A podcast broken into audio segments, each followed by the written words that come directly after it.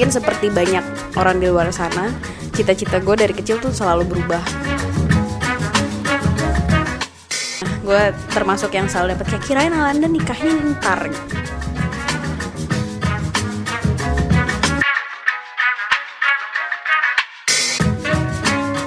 Selamat datang kembali di 30 Days of Lunch uh, barengan sama gua Felix Sandro dan Dan gue Aryo Pratomo at Shegario.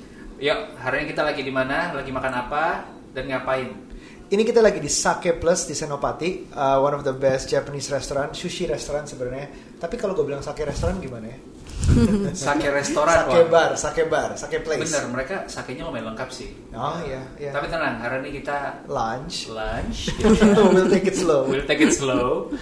Um, kita di sini di Sake Plus ini uh, mengundang sebenarnya ibu satu ini yang Ibu. kita ketahui sedang sedang expecting, Yes. tapi perjalanan panjangnya dia tuh dimulai justru waktu sangat muda banget ya. Kalau Ya. aku bilang ini salah, kalau gue bilang ini salah satu yang inspirational buat banyak kawula muda eh boleh sih boleh nggak sih gue ngomong Kawula muda. kayaknya Ketahuan umur aja. umur. ketahuan umur aja Tapi masih- ngomong kawula muda itu siapa ya Kita tuh elder millennial. Oke, kita Millennial um, tapi zaman tua. di crossing di di persimpangan kita udah mau Persimpangan. udah nggak diterima milenial Benar, sebenarnya. benar, benar, benar. Tapi um, kita kenalin yang satu dulu ini namanya Alanda. Alanda, Halo. welcome to the show.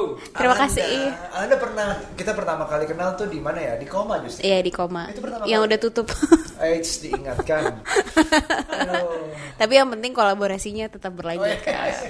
Bagus ya gue udah bisa jadi host podcast lo Konteks kalau yang nggak tahu Koma itu adalah sebuah coworking space pertama kali yang ada di Jakarta, yang juga pertama kali udahan.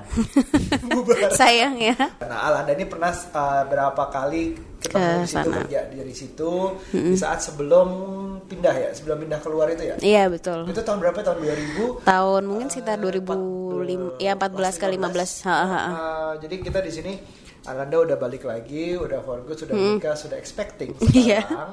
Uh, Banyak a perubahan. long way to go ya. Jadi kita mau ngobrol diambil kesempatan ini. Apa yang kita obrolin, Rum?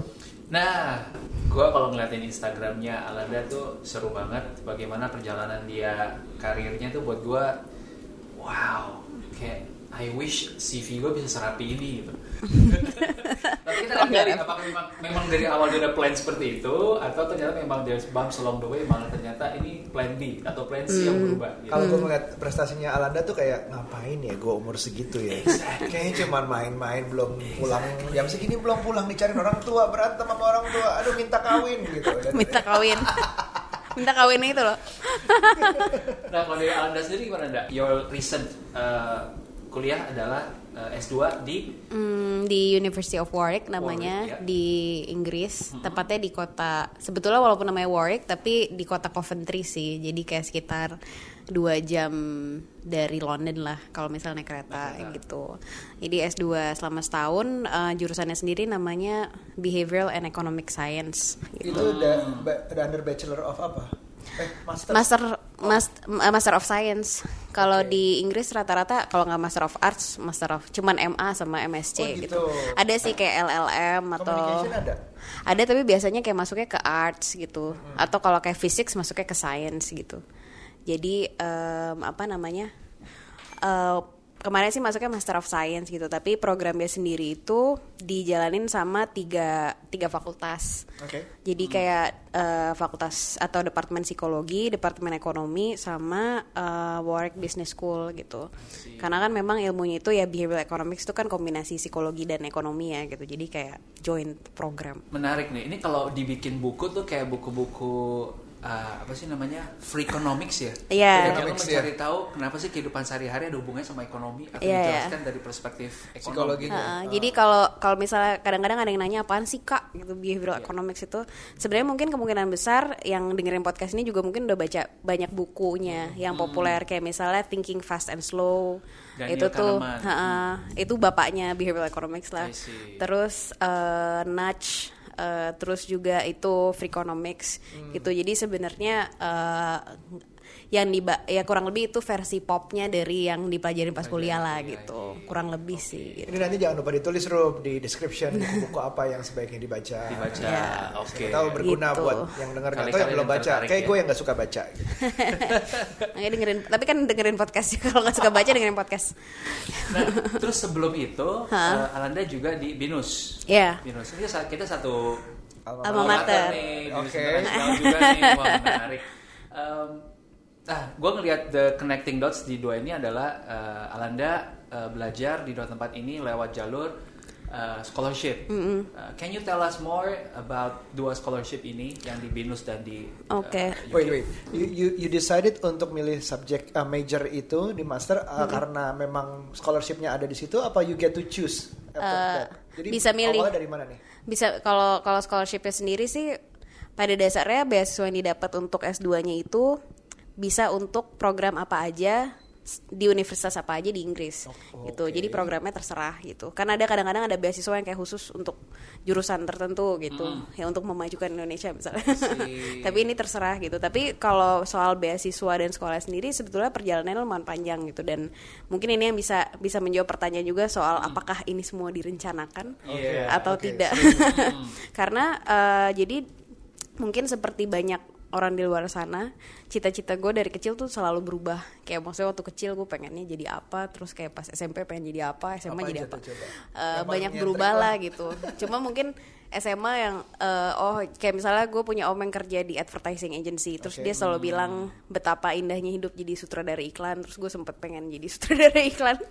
Tapi itu cukup random sih. Tapi yang lumayan lama bertahan tuh cita-citanya adalah gue pengen jadi diplomat Diploma. dan kebetulan nyokap gue itu eh, anak FH eh, UI gitu. Jadi gue tuh selalu melihat panutan gue tuh nyokap gue dan temen-temennya yang jadi diplomat di negara ini d- jadi sekretaris satu di KBRI mana gitu. Jadi gue dari dulu pengen gitu. Dan kebetulan kegiatan-kegiatan yang yang gue ke expose pas SMA tuh juga mendukung itu gitu. Maksudnya kayak misalnya gue ikut konferensi anak muda ketemu anak-anak dari seluruh dunia terus terus gue ngerasa wah nanti kalau jadi diplomat kayak gini ya gitu.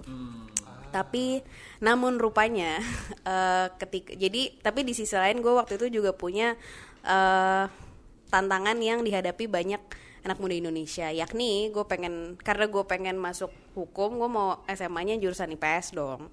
Tapi nyokap gue adalah termasuk nyokap-nyokap yang maksa anaknya kalau bisa IPA ya IPA aja gitu. Oke. karena pola pikir dia adalah dia dulu IPS dan dia nggak bisa milih Antara Ju- jurusan iya jurusan gitu. Sementara menurut dia eh, kalau misalnya IPA ya lo kan bisa ya IPS gampang lah dikejarnya gitu. Gue dulu IPS nggak bisa ngejar pelajaran IPA gitu. Ya gitulah pokoknya.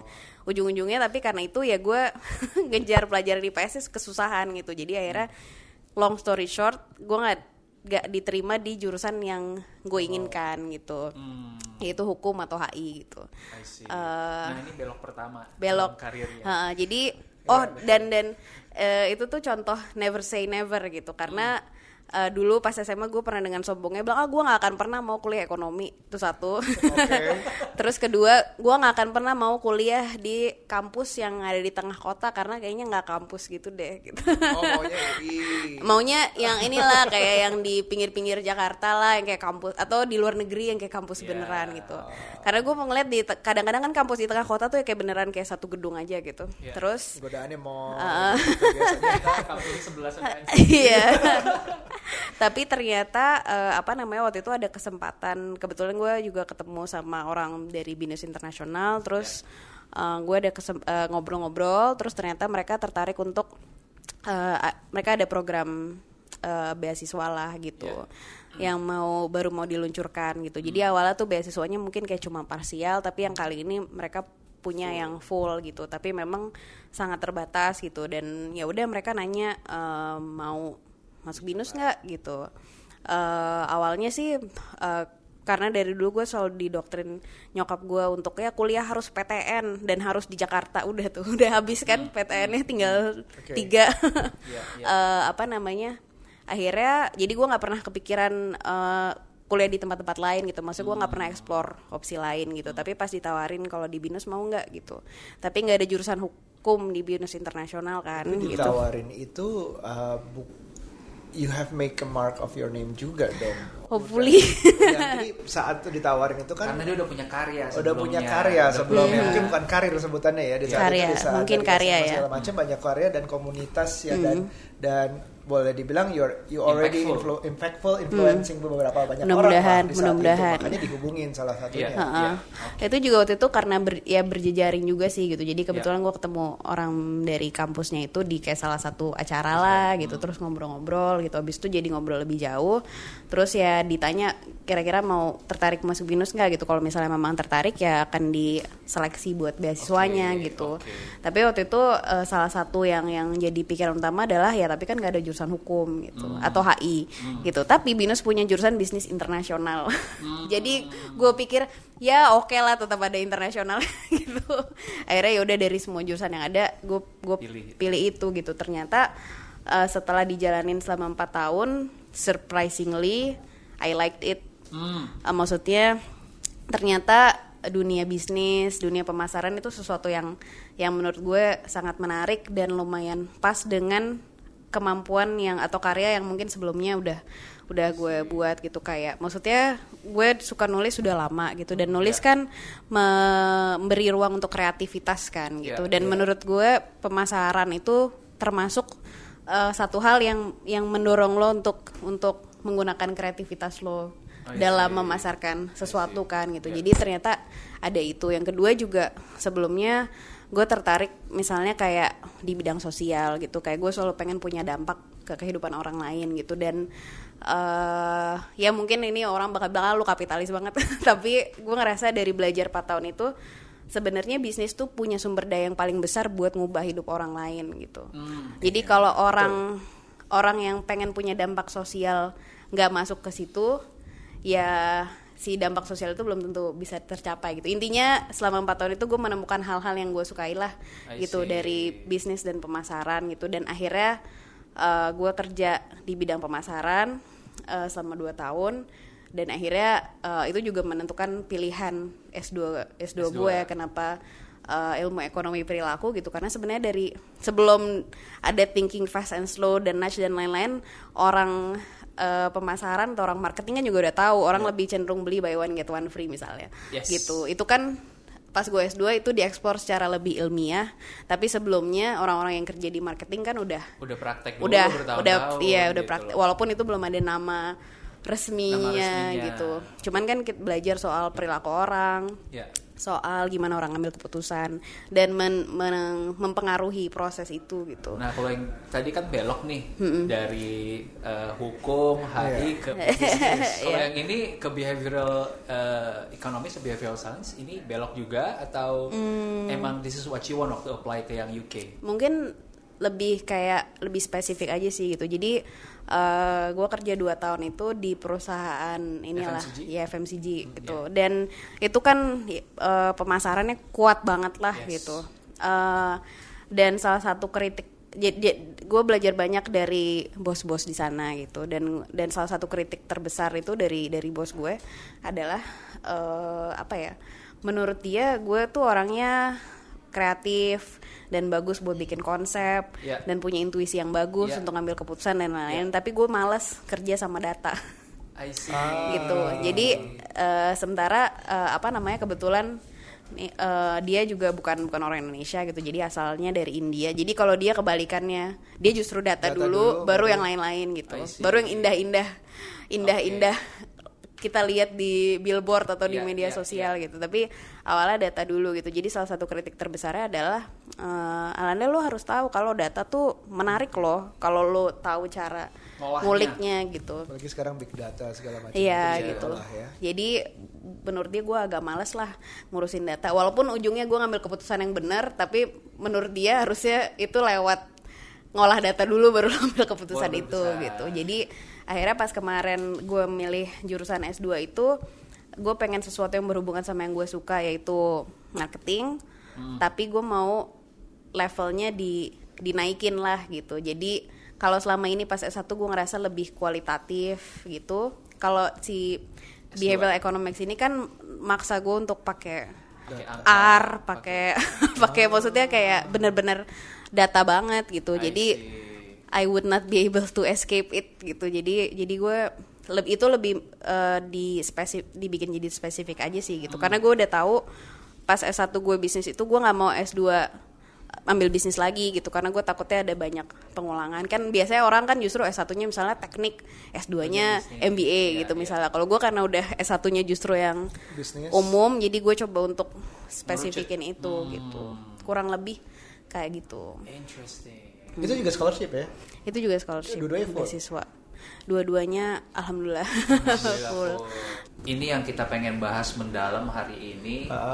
Um, dan kayaknya Alanda bisa kasih insights ke teman-teman yang ngedengerin bagaimana sih step by stepnya? Terus in a way how does a scholarship affect you your life? Or Hmm. maybe yang uh, menuju uh, babu bapak dan ibu kalau bahasanya Menuju babu menuju atau sudah jadi babu? itu, uh, konsekuensinya in life apa sih apa yang harus dipikirin dulu gitu ya Oke, tapi sekarang gua ngeliatin salmon di depan gua udah ngiler banget Iya sih nih, yo. sushi-susinya minta dimakan Kan kayaknya. tadi makan. Lu masih penting karena itu emang harus dimakan Harus dingin, iya. Kalau kita kasihan kalau dingin.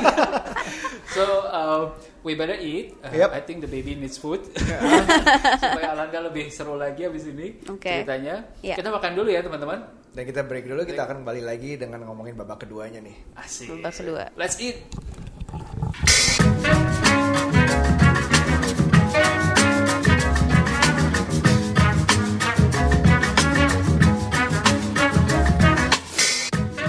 Gimana rasa chicken katsu? enak alhamdulillah Enak, apa alhamdulillah. apa semua enak ya di di masa sekarang ini gue kayak makan apa aja oh bagus Enak. dong, berarti Iya, dalam bagus, masa, bagus. masa pregnancy-nya um, nggak lumayan picky. baik-baik aja Mbak. Piki itu itu nyaman sekali loh. Iya. Kalau misalnya ada- beberapa yang gue kenal tuh juga memang mual-mual segala Iya, macam. nggak Itu makan. Bersyukur enak banget kalau Mbak Piki itu. bersyukur Apa Rup ngeliatinnya begitu?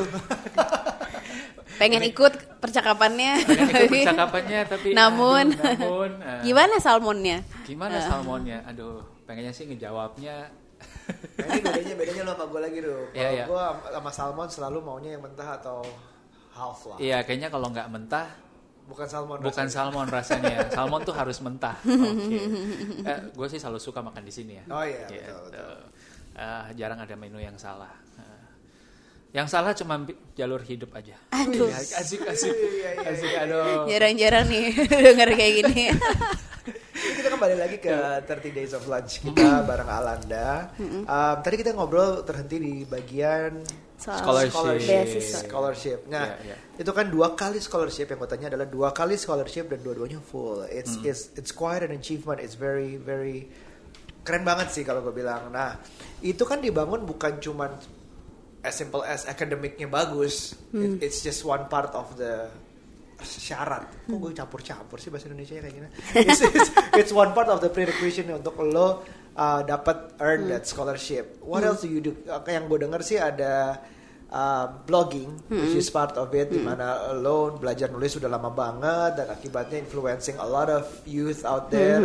Terus akhirnya bikin komunitas, which is Indonesian Youth conference Conference. conference yang muda. udah bikin acara gede-gede banget selalu dan gue pernah datang satu apa dua kali dan itu it's always pack gitu. So Alanda's influence somehow menurut gue nih itu affecting her way to scholarship.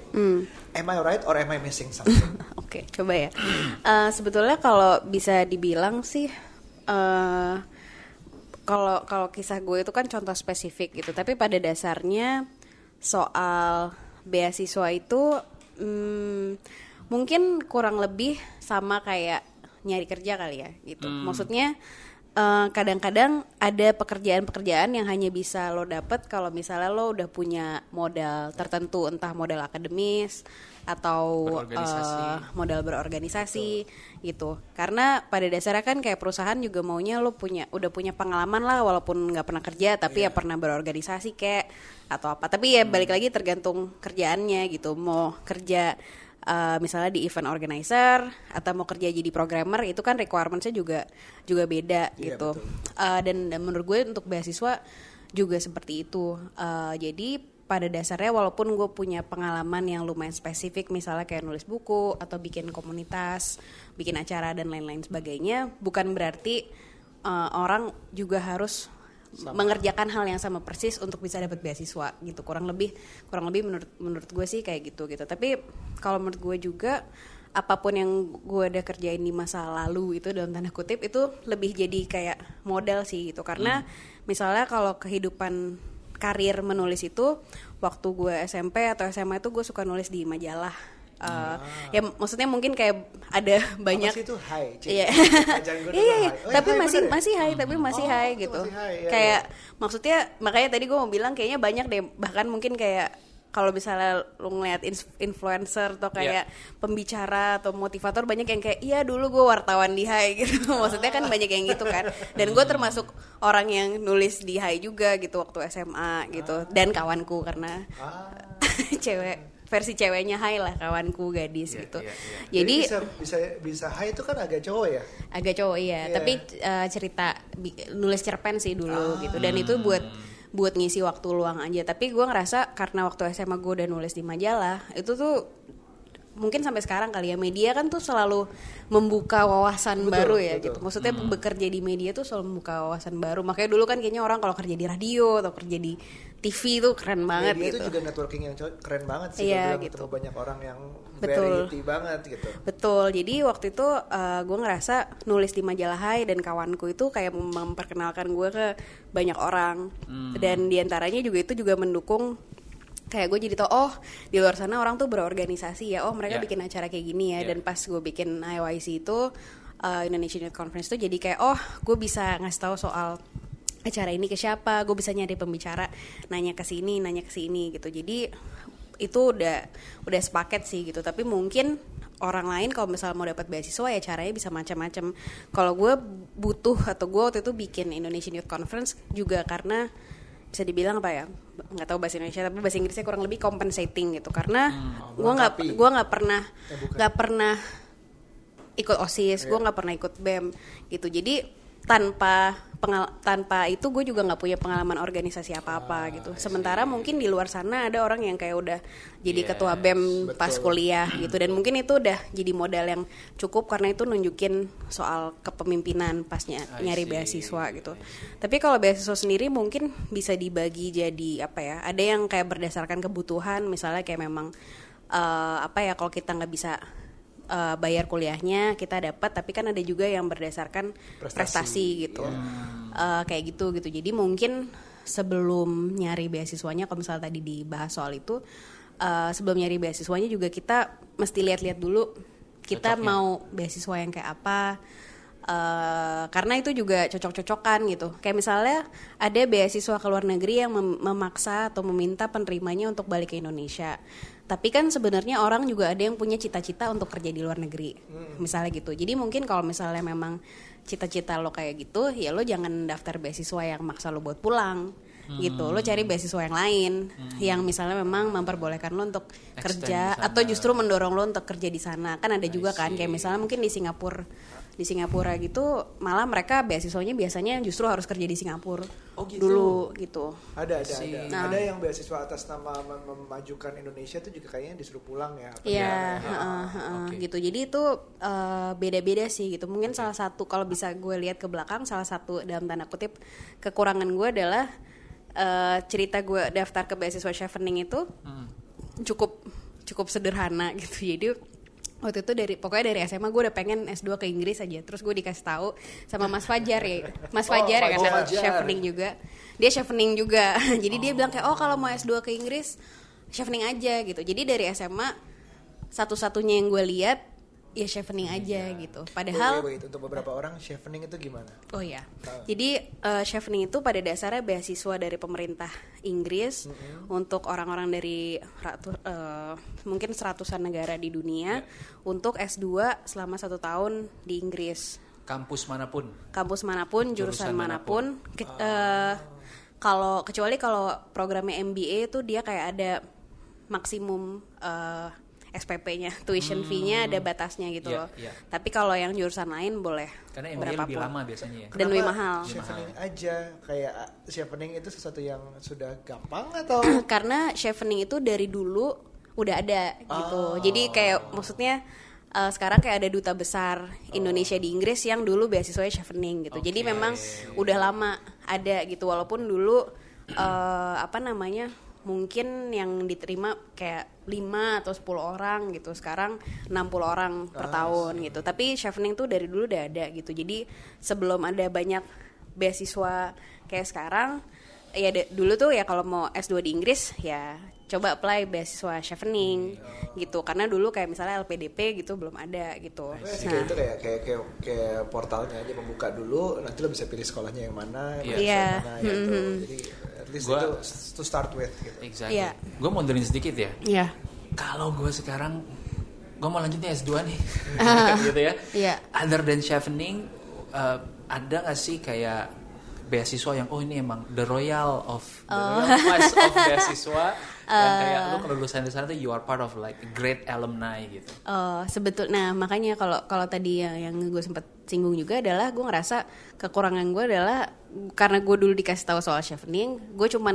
ngeliatinnya itu aja And it gitu happens to be great. padahal ternyata di tahun ini atau tahun kemarin sebelum gue sekolah itu beasiswa udah ada banyak banget Hmm. gitu dan dan sebenarnya kalau misalnya gue lihat misalnya gue punya rencana lain atau pengen daftar beasiswa lain juga mungkin uh, bisa gitu tapi tapi gue udah udah satu lah Ya. uh, tujuannya waktu itu itu gitu jadi Ya. mungkin pesan yang bisa gue sampaikan ke yang mau nyari beasiswa juga jangan buru-buru kayak nentuin harus ini gitu Ya. karena kadang-kadang balik lagi ke soal belokan tadi bisa aja nggak dapat beasiswa yang kita mau tapi Ya. beasiswa yang kita dapat ternyata jauh lebih pas gitu P- uh, kalau soal ada yang the royal of the royal of scholarships. Uh, Ivy League. gimana Iya. ya? mungkin tergantung ininya kali ya. Terga- eh, balik lagi eh, terga- tergantung si royalnya itu mau diukurnya pakai apa gitu. Karena kayak seperti chevening ada banyak beasiswa yang diberikan eh, oleh pemerintah dari negara tujuan. Kayak misalnya Swedia punya beasiswa eh, terus Aus- eh, Australia gitu. Mungkin sering dengar eh, ADS dulu. Kalau Ya. dulu orang ngomong ADS Australia Development Scholarship. Sekarang namanya Australia Awards. Award. Heeh. atau eh, ada Monbuga Kusho dari Jepang Yeah. gitu. Jadi rata-rata memang programnya pokoknya buat S2 atau S3 di negaranya I gitu. see. Damn, where was Tapi- I? You know right? gue di mana coba? I didn't know all that when I Gua was juga, trying man. to approach S2. S2, gue nggak, gue S2 tuh sudah kawin. Karena gue mau tamain kawin sebelum S2. Look where it got me. Terus, ya, apa dicontoh namanya? ya Alanda ya. Tapi eh, selain itu juga sekarang ya udah eh selain itu juga ada beasiswa dari universitasnya sendiri gitu. Eh, dan juga ada juga beasiswa ya dari pemerintah Indonesia gitu yaitu si LPDP itu. Gitu. Nah, eh, cocok atau nggak cocoknya terga- tergantung apa yang kita cari gitu. Karena misalnya kayak beasiswa seperti Chevening atau Australia Awards itu karena yang ngasih adalah pemerintah sana dan dia ngasih ke banyak negara jadi ada eh, keuntungan bahwa kita bisa berjejaring dengan penerima beasiswa yang sama dari negara lain gitu jadi Nah. kayak kan ada yang dapat dari Malaysia ada yang dapat dari Yes, Cina yes, dapat yes. dari Meksiko gitu Iya, iya, iya. sementara mungkin kalau LPDP kalau misalnya kita mau berjejaring di Indonesia yang ketemu menteri dan segala Hmm. Ya, macam ya. ya mungkin. LPDP lebih lebih pas gitu Iya, iya. Ah. Dan gue dengar chevening itu uh, 40.000, 40 ribu aplikasi dari seluruh dunia. Hmm. Wow.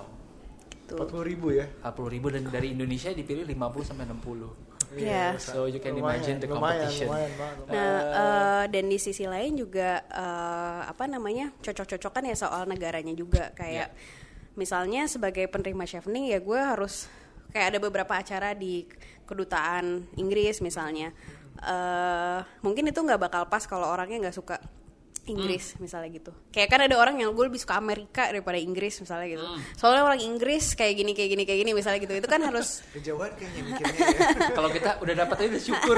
gue gak suka makan makan ini makanan Inggris yang ini itu jauhan kali. tapi boleh juga sih jadi iya. consideration. Tapi Nah. soalnya ternyata kayak selama setahun gue kemarin di sana tidak sedikit eh, mahasiswa gitu. Indonesia yang ada loh yang sampai dirawat di eh, rumah Rumah sakit, sakit. Karena- eh, karena? untuk kejiwaan karena stres atau depresi. Gue nggak suka jauh dari keluarga. Gue nggak suka makanan di Ah, sini. wow. Gue nggak punya teman gitu dan ada juga yang akhirnya Oh, serious? sekolahnya nggak nggak selesai Nggak gitu. selesai. Jadi maksudnya kan kita mungkin bisa bilang ah lu manja banget sih gitu misalnya gitu. Tapi Oke. ternyata ada yang I retract my point I see. ada yang kayak gitu gitu makanya Oke. Makanya eh, pemilihan beasiswa itu juga jadi penting karena misalnya ada beasiswa yang nyiapin kayak ada pre departure briefingnya.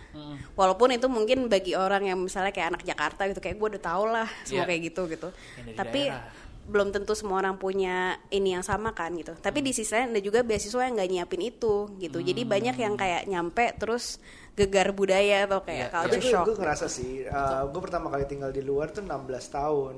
16 tahun dan gue diantar nyokap waktu masih itu pakai Guardian. Aussie nih? Aussie. Iya. Terus diantar nyokap pakai Guardian, gue tinggalnya di temennya nyokap yang jadi legal Guardian gue. Terus nyokap Hmm. pulang gue nangis. Tapi nangisnya bukan di airport gitu yang drama-drama sampai di rumah sendiri lagi. ya ternyata sedih juga Gue ya bener gak sih di sini tinggal Iya. nangis Iya. gue gitu. Jadi kayak memang bisa bisa gue ngerti sih bisa jadi Iya. menyeramkan bahwa lo nggak punya someone tuh Iya. yang, Iya, yang biasa iya. lo lari itu kalau Iya. kurang Iya. makan atau apa minta duit tuh gampang Ha-ha. banget. terutama yang ini ya yang yang belum pernah terekspos sama sekali ya maksudnya kayak pertama kali Keluar. negeri. keluar bahkan Iya. kayak eh iya keluar ya jangan kan keluar negeri mungkin kayak ya keluar kota juga mungkin nggak pernah Jarang. yang jauh-jauh Oh, banget iya, gitu iya, misalnya iya. gitu kadang-kadang ada yang kayak gitu juga gitu Karena lu mesti belajar, lu mesti achievement lo harus bagus Hmm. untuk maintain si scholarship. At the same time, lu harus adjust. Wah itu sih. dan satu yang yang selalu gue bilang juga dan ini karena yang gue lihat pas di sana ya itu kayak sekarang tuh karena beasiswa marak sekali eh, banyak juga orang yang kayak eh Iya misalnya kayak eh Alanda gimana sih caranya ya dapat beasiswa gitu. Soalnya gue udah capek nih hidup di Jakarta. Gue pengen nyari yang baru. Terus gue ah gimana? Gue juga iya, iya cuma kayak gue macet banget gitu kan enak tinggal di luar negeri Politiknya. dapat beasiswa apa setahun break gitu. Nah kadang-kadang yang yang kayak gitu bikin gue khawatir gitu karena gue takutnya kan sebenarnya tujuan utamanya bukan si sekolahnya gitu. Iya. tapi emang kayak pengen jalan-jalan Kabur, atau apa iya. pengen kabur gitu dan ketika Sementara. kadang-kadang kan kalau niatannya udah nggak pas tuh kelanjutannya suka Suka, iya, iya, iya iya, gitu iya, jadi itu jadi jadi penting juga gitu Gue gue mundur sedikit ya, yuk, Oke. ke soal persiapan ini ya. Iya. Em, menurut gue nih, ya after looking at all the process orang untuk Hmm. apply scholarship, eh, kita harus terima kasih sama this lady namanya Pratiwi Hamdana. oh iya Iya, dia share banyak banget di blognya dia. iya Terus ada satu eh, fotonya dia yang kasih lihat dia apply itu kayak 5 atau 6 scholarship yang berbeda. lima toh ya Iya, Ha. right. Uh, sa- sampai akhirnya dia berhasil di uh, Chevening. Hmm. Nah, gue ngeliat kayaknya ada dua dua phase yang very interesting dan very crucial, which is writing your statement letter Iya, and the interview. iya, Karena yang lain-lain bisa sama gitu. iya, iya, Iya nggak kuliah sih? apa kuliah gitu. apa, Ha, ha. karir lu, Iya, eh, apa iya, kayak lu ikut organisasi juga, Iya, iya, ha. uh, uh, GPA lu bisa bagus juga. Hmm. But I think these two yang lumayan berpengaruh sih. Iya. Um, boleh nggak cerita lebih dalam soal itu? Kalau sebetulnya mayoritas beasiswa dan mayoritas kampus tuh memang minta kayak nulis personal statement atau jawab beberapa pertanyaan. Iya. Kalau chevening itu mesti jawab empat pertanyaan itu soal Kepemimpinan? ya ke ya eh, kepemimpinan terus berje, kemampuan berjejaring terus mau kuliah apa di Inggris sama rencana karir mau jadi apa gitu. Kurang lebih kayak gitu. Karena memang chef ini juga tadi lupa disebutin bahwa kayaknya targetnya tuh lebih banyak ke profesional gitu. Jadi kayak orang harus udah kerja terus kayak harus udah jelas kayak abis ini mau ngapain gitu. Ha-ha, jadi mungkin kalau teman-temanku tuh yang di chefning jarang yang kayak peneliti gitu loh. Eh, apa namanya karena memang mereka nggak ngasih dana buat riset misalnya. Jadi Yeah. benar-benar buat profesional gitu. Yeah.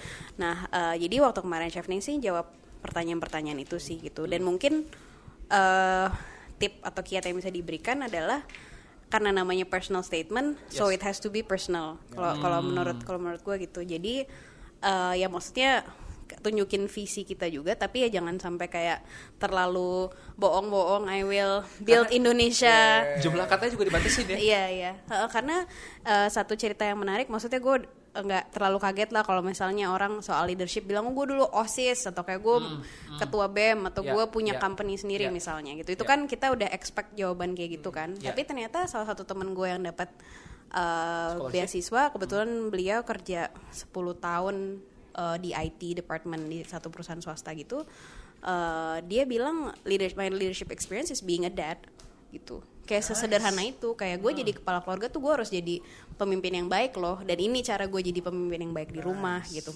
Dan tapi kan mungkin orang mikirnya kayak ya gue selama ini kerja doang nggak pernah ikut organisasi apa apa tapi ya leadership itu kan gak harus dari organisasi kan bisa juga di rumah atau ketua RT nggak tahu ya Yeah, It's also matter how you tell the story sih. Yeah. How it's- Oh, the story affects you, changes you, impacts you gitu juga. Iya. Iya, sih. Iya. kayak jadi ya pengalaman-pengalaman yang sederhana kayak gitu tapi ya dihubungin dengan gimana itu membentuk membentuk kita aja gitu. Mungkin kan jadi bapak jauh lebih susah daripada jadi Iya, mungkin direktur. jadi bapak itu jadi uh, bikin dia paling mature-nya saat ini cocok banget. Exactly. Iya. Yes. Kebaiknya dia tuh karena jadi bapak. bisa Iya, misalnya gitu kayak atau cerita-cerita soal kegagalan misalnya gitu. Eh, jadi ya yang penting tuh ya, jangan tuh koma gagal. Ya. jadi eh, apa namanya eh bisa dibilang ya tetap cerita pribadi ya tapi jangan jangan ya jangan dibuat-buat juga jangan Iya, kayak course. nyari cerita-cerita lucu-lucuan aja gitu karena itu bakal dibawa ke wawancara gitu dan kalau itu nggak dari hati kita kan kelihatan ya pas kayak ngobrol sama orang ah ini bohong nih cerita yang kemarin Nggak gitu sincere gitu. gitu ya. Iya Iya, gitu. iya, iya. Jadi kurang lebih kurang lebih sih kayak gitu gitu dan harus ngeliat juga masing-masing beasiswa tuh nyarinya kayak apa gitu. Karena misalnya kayak LPDP gitu. Mungkin eh, segi karena dari pemerintah Indonesia harus lebih nasionalis juga gitu. Sementara ya mungkin kalau eh, kayak Chevening gitu eh, kita mengkritisi pemerintah gitu mungkin nggak apa-apa gitu. Cuman kan kalau LPDP mungkin lebih lebih sensitif gitu. Atau misalnya kayak kalau beasiswa dari luar negeri mungkin isu-isu yang kontro kontroversial di Indonesia misalnya kayak soal agama atau seksualitas gitu. Itu Iya. Mereka lebih terbuka, Terbuka. gitu. Kayak kayak Chevening kemarin ada beberapa temen yang emang kuliahnya soal gender. Kayak misalnya gitu loh. Eh, kayak eh, atau eh, sangat terbuka soal seksualitasnya misalnya gitu. Sementara kan mungkin untuk beasiswa lain belum tentu cocok gitu jadi kita mesti merhatiin itu juga kayak Oke. ketika kita daftar ke beasiswa yang kayak gini ya jangan tiba-tiba kayak terlalu kayak i- eh, sama kayak daftar kerja sih Iya, gitu iya. mungkin kan kerja di bank sama kerja di agensi kan juga gaya CV-nya beda yang satu mungkin kalau ada videonya nggak apa-apa kalau bank mungkin kayak apaan sih nih gitu. Bener-bener. misalnya gitu Dan Alanda ini gue baca punya CV yang berbeda-beda untuk apply kerja yang berbeda. Oh iya dong, harus harus. Iya. Gue sampai sekarang belum pernah punya CV. Cie. Cie. tapi punya Is good Instagram kan cie? Uh, I don't think it's a good thing. I don't think it's a good thing. Kayak gue lebih nggak nggak seplan Alanda kayaknya. Nah, itu kan coba biar siap aja Biar siap. That's good. That's good. Karena- Let me let me lead this conversation to something a bit a bit a bit more personal ya. Iya, Jadi iya. kalau Oke. kalau gue dulu tuh um, selesai S1 pengennya pulang, pengennya kawin. Iya, Nah, tetap. ya tetap. Terus habis kawin ngerasa gue kurang. Eh, yang gue dapetin dari orang tua, yang gue dapetin dari sekitar itu masih kurang. Jadi gue decided untuk uh, S2. S2. Tapi terpaksa karena udah berkeluarga, gue lakukan di sini dan udah menjalankan usaha juga waktu itu. Gue di IPMI waktu itu. Oh. Dan gue ngerasa uh, kualitasnya I could have gotten better gitu kalau Hmm, misalnya gue dari sekolah yang lebih baik lagi gitu. Cuman kan banyak keterbatasan. Hmm. Um, lu itu S2 itu sebelum nikah ya diputuskan? Udah, udah oh, nikah. sudah nikah Udah terus nikah. pindah ke sana. Eh, jadi eh, perjalanannya agak panjang. Karena jadi sebenarnya waktu itu suami gue S2 duluan tapi karena dia S2-nya di Australia jadi kan dua tahun ya Iya. lebih lama. Jadi setahun dia sendiri di tengah-tengah tuh kita nikah gitu. Jadi abis itu gue sempet ikut dia setahun. Oke. hampir setahun lah. Abis itu karena gue pikir "Ah, udahlah udah terlanjur lagi di luar negeri. Ya gue S2 juga gitu. Akhirnya gantian gitu. Jadi kebetulan suami gue dapat kerja di London Wow. gitu jadi pas gue lagi kuliah dia tadi kita udah kayak yaudah deh long distance gitu tapi eh, ternyata dia bisa dapat kerjaan di London jadi kita nggak jadi long distance Wah, itu kurang le- tuh. kurang Jadi- lebih sih kayak gitu Jadi dapat dapat tinggal di Australia dan dapat tinggal di Inggris itu itu bagus banget Bagus sih banget. jalannya sih dapat dapat. Alhamdulillah. Nah, nanti ta- tapi menentukan um, gimana sih ini kan sekarang you're expecting and you've done that that S2 part jadi masternya udah selesai segala macam. Was that plan untuk nggak um, hamil dulu atau memang gimana ceritanya? sebetulnya mungkin eh, apa namanya kan gue nikah bisa dibilang usianya lumayan muda dua hampir 25 tahun gitu jadi kayak Oke. 24an itu dan eh, gue termasuk yang selalu dapat kayak kirain Alanda nikahnya ntar gitu Iya. Oke.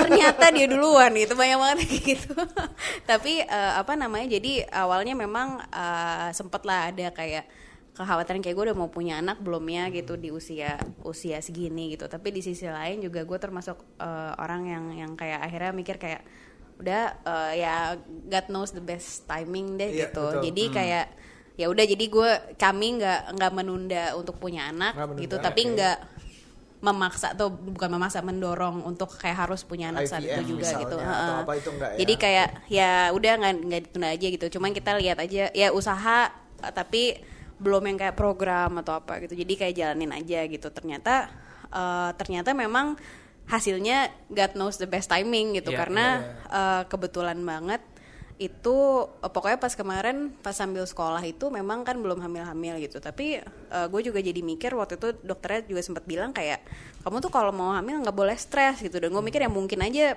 S2 kan Stres. walaupun kita nggak ngerasa stres tapi bisa aja sebenarnya stres tanpa disadari kan gitu. Tapi ternyata pas kemarin eh, pulang ke Indonesia for good bulan Januari terus kita langsung program hamil itu bulan Maretnya alhamdulillah langsung Wow, congratulations. eh, langsung ham- langsung hamil Yes. gitu jadi ya mungkin itu termasuk bentuk si time eh, waktu yang tepat itu gitu karena Ya. pas banget eh, pas sekolahnya udah kelar justru eh, hamil gitu padahal ya pas selama dua tahun pertama itu ya ada juga lah kan kita tinggal di luar negeri juga kadang-kadang ada peras- harapan kayak ya anaknya lahir di luar lah misalnya gitu Ya, ya, ya, gratis ya, ya, gitu ya, ya. terus kayak kayak ya gitu-gitu ka- hamil di luar the proses kehamilan itu terus jalan sampai kelahiran tuh benefitnya banyak plus minus lah kalau di luar iya, ya. iya. Ya. Ya nggak ada yang bantuin, nggak ada yang bisa dititipin. Nggak ada mbak mbak mahal di sana.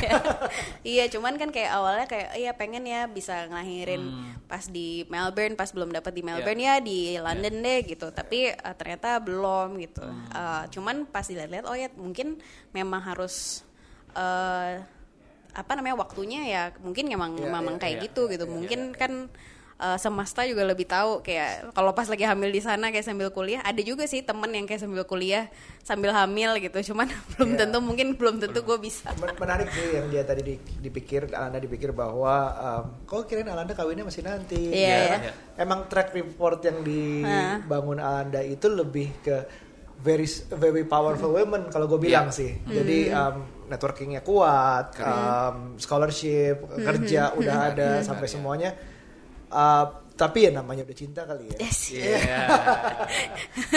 say someone who used to want to get married as soon as possible itu alasan gue sebenarnya Ini ngomongin scholarship sama spouse jadi menarik karena uh, what if sekarang kalau sekarang nih Alanda baru mau ngambil S2-nya. Iya, iya, iya. Nah, terus sekarang udah punya Uh, you are expecting a ha. baby and then uh, Iya, iya. ada suami juga. How would you do it differently? Um, how would I do it different? Sebenarnya mungkin Atau sama aja nggak apa-apa? Kayaknya sih kemungkinan besar sama aja. Hmm. Kayaknya kalau udah punya anak yang lebih harus diperhatikan tuh eh, pembagian ngurus anaknya kalau misalnya gue sambil kuliah kali ya. Iya. Gitu karena tapi eh, ada juga beasiswa yang bahkan mau ngebayarin daycare, anak oke. gitu.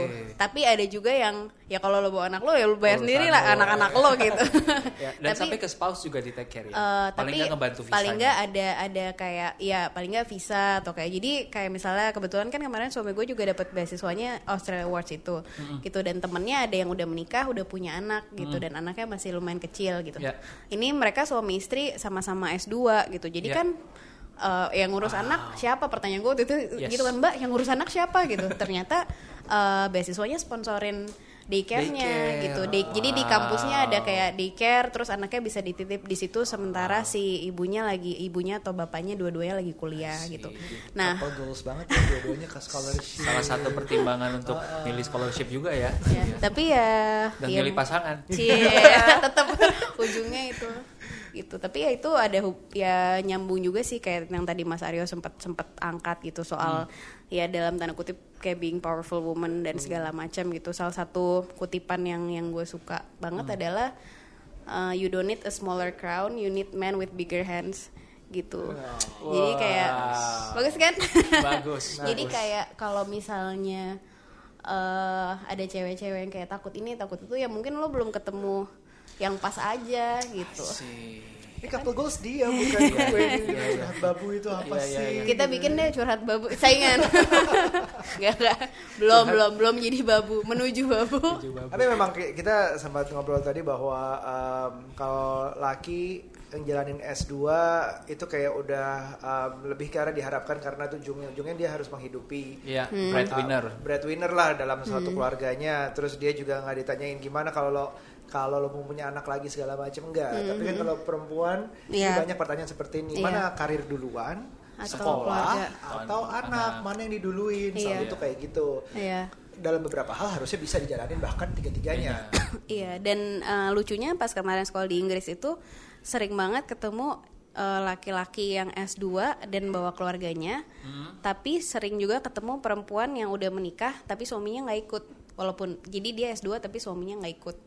Gitu. Jadi kayak walaupun itu pilihan masing-masing ya gitu dan bukan berarti salah gitu. Cuman lebih sering aja kayaknya kalau suaminya sekolah ya otomatis istrinya ikut resign dan segala macam. Sementara kalau istrinya sekolah ya suaminya nggak resign misalnya gitu. Kayak suaminya tetap tetap ya udahlah mereka long distance aja gitu. Maksudnya itu pilihan masing-masing tapi menurut gue itu fenomena yang lumayan menarik juga gitu karena kan mungkin juga is- ya cewek jadi- mau pergi juga kan jadi kayak ya tapi kalau gue pergi terus harus long distance hmm, gitu misalnya Terus gitu tambah banyak di sana. Iya. Tapi back to your first question, apakah ini direncanakan atau memang agak-agak spontaneously? Tapi banyak yang kayaknya false false perfectly untuk Alanda gini, Hmm. termasuk suaminya akhirnya dapat kerjaan yang tadinya dipikir bakal long Iya. distance, Iya. terus hamilnya di saat Iya. yang tepat, Iya. and wow banget sih gue Iya, lihat sih iya, kayak, iya. kayak ternyata Ternyata Iya, ternyata everything udah kayak Udah diatur. lo begini gitu. semua itu dihadirkan. Iya. Kalau bahasa yang Mas Jadi Iva film- Deva, cie. aduh iya dulu dosen gue tuh iya di Binus Cuman bukan berarti Alandanya nggak Iya. berusaha, Nggak berusaha. karena kualitas yang udah bangun dari awal tuh kayaknya ngebantu ke jalan itu. Heeh. Exactly. Mungkin eh, apa ya kan katanya keberuntungan tuh datang kalau ada persiapan. Pers- eh kalau lu udah siap saat kesempatannya datang datang, gitu iya. kan. Jadi ya mungkin itu juga apa ya eh pen- pen- bukan penting kayak kayak ini ada hubungannya juga kayak tadi kan Mas Aryo beberapa kali bilang kayak ya gue umur segitu ngapain gitu. Iya. Tapi pikiran gue waktu umur 15 adalah gue tahu suatu hari nanti gue bakal menikah dan berkeluarga dan lain-lain. Jadi gue Iya. maunya ya gue udah mulai cepet. Dan ternyata bener kan gue kawinnya umur 24 Maksudnya mungkin kalau misalnya gue nggak dulu belum bikin IYC dan belum menulis buku Mungkin umur 24 gue akan ngerasa gue tuh belum ngapa-ngapain loh di hidup ini Yes. Masa gue kawin sekarang sih Iya, gitu Tapi dulu kayak ya Yes. apalah kayak gue udah mau ya. berbagi mimpi sama orang lain gitu Sementara mungkin kan ada juga orang yang mungkin eh mulainya baru setelah lulus kuliah Ya. jadi pas umur 24 tuh kayak gue baru, Baru dua tahun gimana? atau apalagi gue misalnya punya sepupu yang dokter Ya. dia nikah umur 30 aja ngerasa ya lah gue baru selesai spesialis kemarin Benar. terus kayak udah mesti kawin nih Yes, gitu yes, yes. kayak gitu-gitu loh gitu jadi mungkin ya persiapannya ya kita siap-siap aja kalau si yang things falling apart itu biar pas gitu I mungkin see. Dan, dan gue setuju kalau gue rasa juga bukan karena hanya karena dia udah bikin karya terus dia bisa kayak Alanda lebih nyaman untuk oke I wanna take decision untuk get married but because all of, because of all of that kayaknya lu juga maturity-nya jauh lebih daripada orang yang mungkin menurut gue belum pernah go through that process sih Iya. gitu karena kalau lu tanya gue nih I was like 3 years ago 28 atau 27 gue gak ready maturely dan terus sama maturity-nya gitu kan menarik sih jadi persiapan Iya. ketemu dengan Iya. kesempatan. Oh, Iya. iya. Um, I- Rio, I'm I'm very happy I finally got to learn from you juga. Terima Gua kasih. banget, Ya. waktunya disediakan, um, tempatnya disediakan, dan kayaknya um, yang gue pelajarin sih ya paling gue gue gue pikir sih gue nggak bisa balik lagi nih ke umur berapa terus mengulang semuanya dengan uh, yuk S2 bareng yuk. S2 Iya. bareng S2 udah sorry ya Oke. tapi mau lagi ya itu tapi basically uh, berusaha jadi dari awal tuh nggak pernah bisa kalau gue bilang sih jangan pernah bisa puas dengan apa yang Yeah. udah di achieve selalu berusaha wanting more walaupun memang nggak sesuai dengan yang direncanakan persis tapi everything will falls into places for those you who tries gitu Iya. Iya. Iya. who work out gitu Yeah. segala macam lah nah itu yang gue ambil sih dan gue senang banget hari ini bisa ketemu Alanda Terima kasih. Eh, Alanda, thank you eh, untuk waktunya, Iya, eh, terima untuk sharingnya. Gue yakin teman-teman yang mendengar ini eh, belajar banyak. I'm Aryo, done, I'm done, I'm very happy. Uh, sampai ketemu di berikutnya. Kita akan undang siapa, Rup? Ah. you'll see on the next. Bagus tuh jawabannya. Terima kasih banyak. Terima kasih Alanda. Terima kasih.